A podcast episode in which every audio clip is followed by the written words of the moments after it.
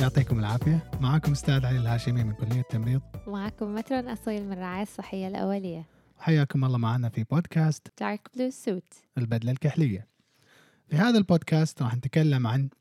آه، التمريض في شكل عام من الناحية الاجتماعية من الناحية المهنية رح نشرح بعض الأمور المتعلقة بالتمريض في الكويت من الناحية القانونية والجوانب الإدارية اللي تخص التمريض بالكويت كل هذا في إطار ممتع وسوالف بيننا وبين بعض خلكم معنا